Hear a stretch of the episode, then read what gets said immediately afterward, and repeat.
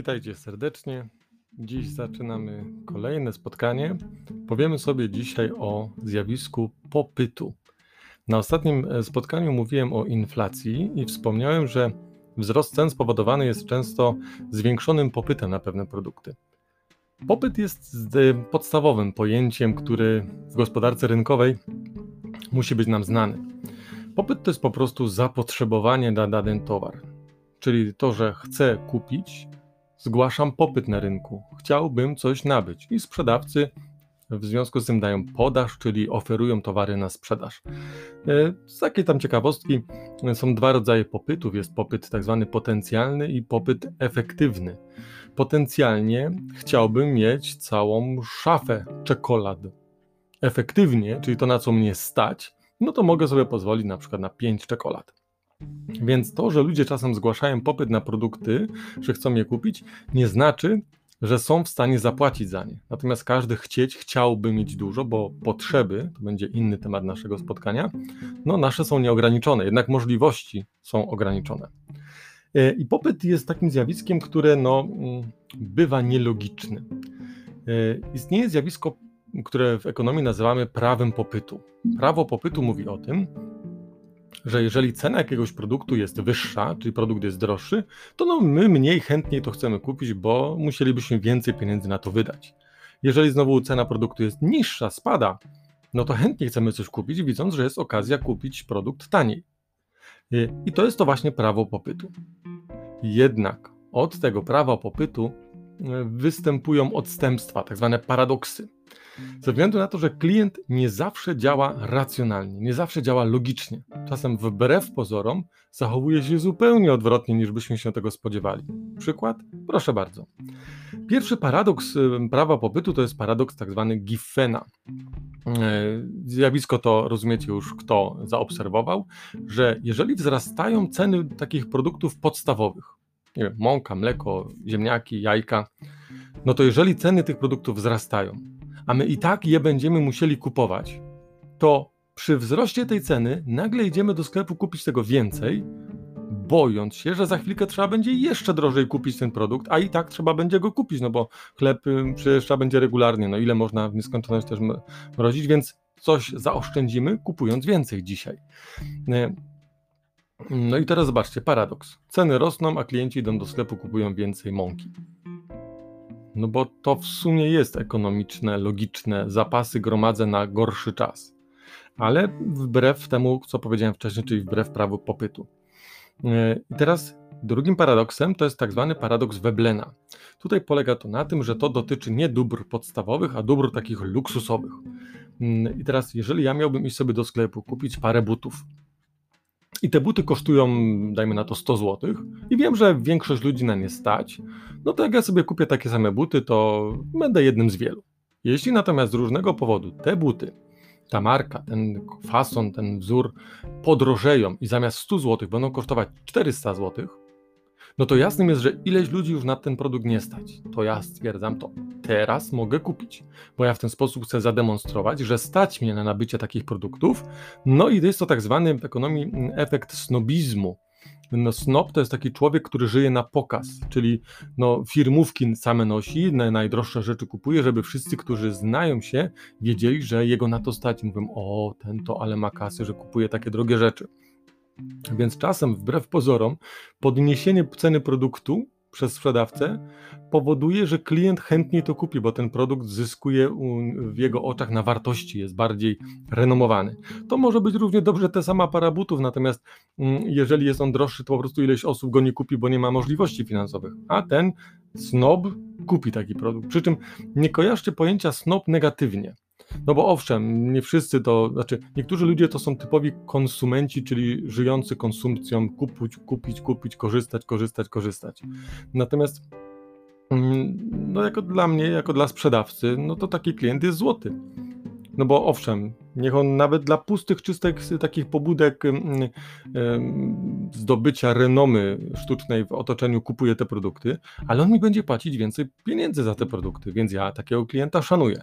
Owszem, ci klienci będą mieli troszkę większe wymagania. Na dzień dobry, jak przyjdzie, no to będę musiał mu, nie wiem, kawę zrobić, wiecie, tak jakoś przyjąć jak takiego króla, żeby on się czuł ważny. Co za problem? Przychodzi klient, to znaczy przychodzą pieniądze. Ja muszę umieć się też dostosować do niego.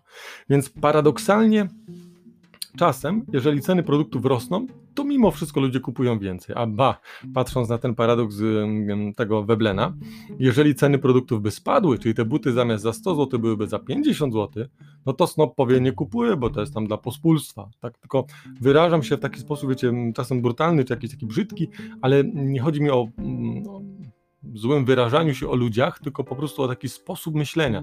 On mówi, że o, to jest dla tam byle kogo, a on się chce, chce czuć kimś ważniejszym, no, ma takie ego większe, więc nie kupi produktu, jeżeli my go obniżymy jego cenę, bo straci to na wartości dla tego, tego klienta.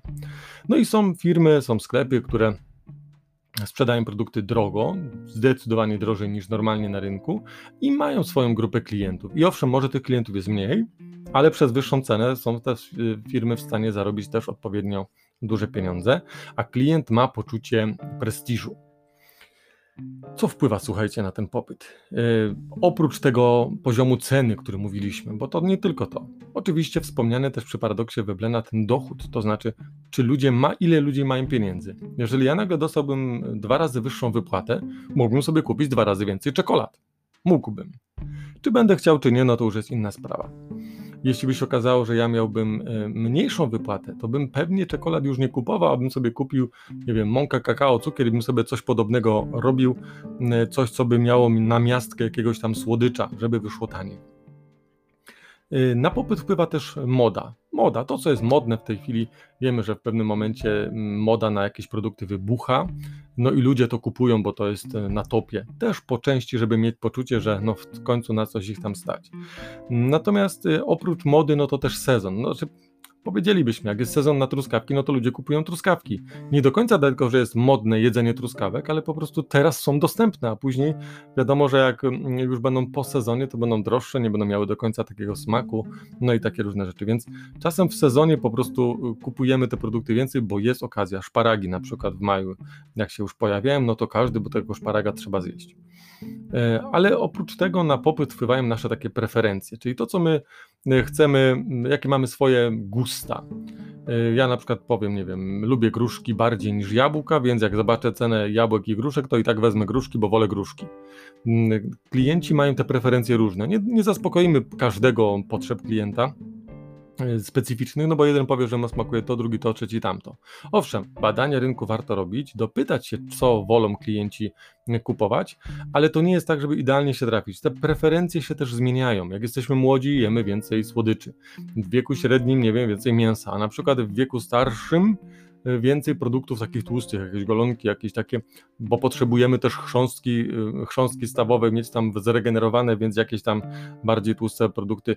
To się zmienia. My, nasze gusta się zmieniają. Owszem, smaki dzieciństwa pozostają, ale to nie jest tak, że te preferencje były stałe na dłuższą metę. Poza tym, jeżeli ktoś lubi co by to mógł być, miód. No to jak zje w ciągu tygodnia słoik miodu, to chyba mu trochę przejdzie i już nie będzie mógł patrzeć na miód, bo, bo już będzie pamiętał, że już ma dosyć.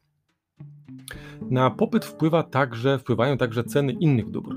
Jeżeli ja miałbym mm, w sklepie, sprzedawałbym groszek w puszce, kukurydzę w puszce i schodzi groszek na świeżo, a kukurydza tak trochę kiepsko, to wystarczy mi podnieść cenę groszku.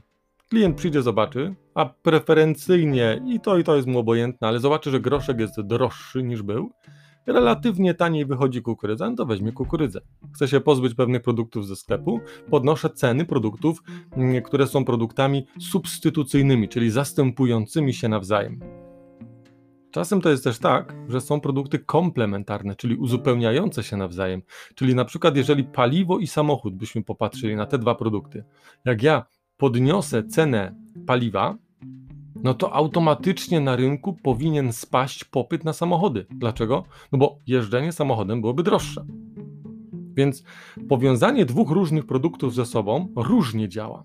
Z jednej strony podnosząc cenę groszku w puszce powoduje wzrost popytu na kukurydzę w puszce przy dobrach substytucyjnych, a za chwilkę podnoszenie ceny paliwa spowoduje spadek popytu na samochody przy dobrach komplementarnych.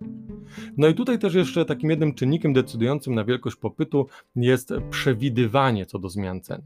No zobaczcie, co się dzieje na mm, Wielkanoc, czy przed okresem Wielkiej Nocy. e, jak jest informacja, o prawdopodobnie będzie mało jajek na rynku, pewnie ceny wzrosną. I skoro człowiek przewiduje, że w pewnym momencie ceny będą drogie, to kupuje wcześniej w większej ilości.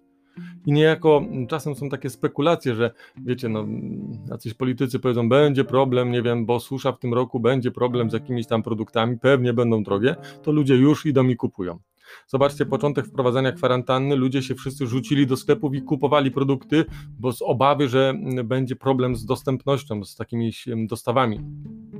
Problemu aż takiego nie było z dostępnością, nie było tak źle, no ale ludzie co nakupili, to nakupili. Jak za chwilkę znowu, że prawdopodobnie będą większe obostrzenia, to już ludzie idą ten papier toaletowy czy to, co jest potrzebne, kupują.